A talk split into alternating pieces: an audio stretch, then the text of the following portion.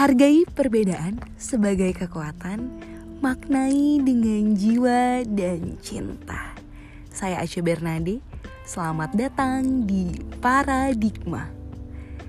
Sebelum melakukan sesuatu kepada orang lain, coba sekarang posisinya dibalik dulu. Gimana rasanya?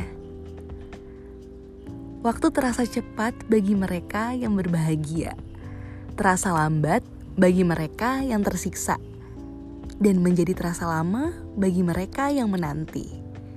Jangan pernah berpikir untuk selalu merasa benar dan paling mengetahui akan tiap hal.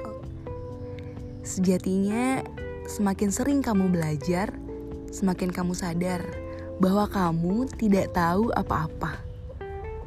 Belajar menghargai.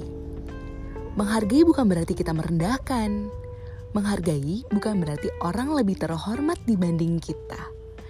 Menghargai adalah cerminan diri kita sendiri. Bisa jadi sedikit apresiasi dari kita terhadap orang lain menjadi sangat bermakna bagi mereka. Untuk yang sedang melangkah ragu, semuanya bukan hanya tentang waktu.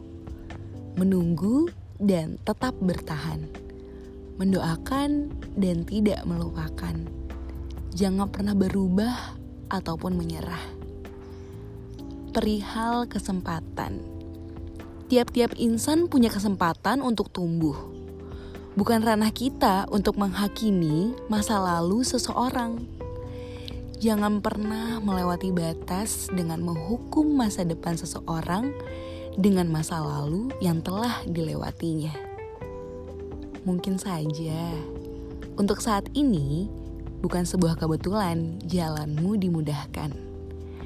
Bisa jadi itu hadiah dari Tuhan oleh apa yang telah kamu lakukan. Ada saja ya cara Tuhan mengingatkan dan menyadarkan. Manusia dilahirkan lewat pertemuan untuk menghasilkan pelajaran dan sebuah kenangan.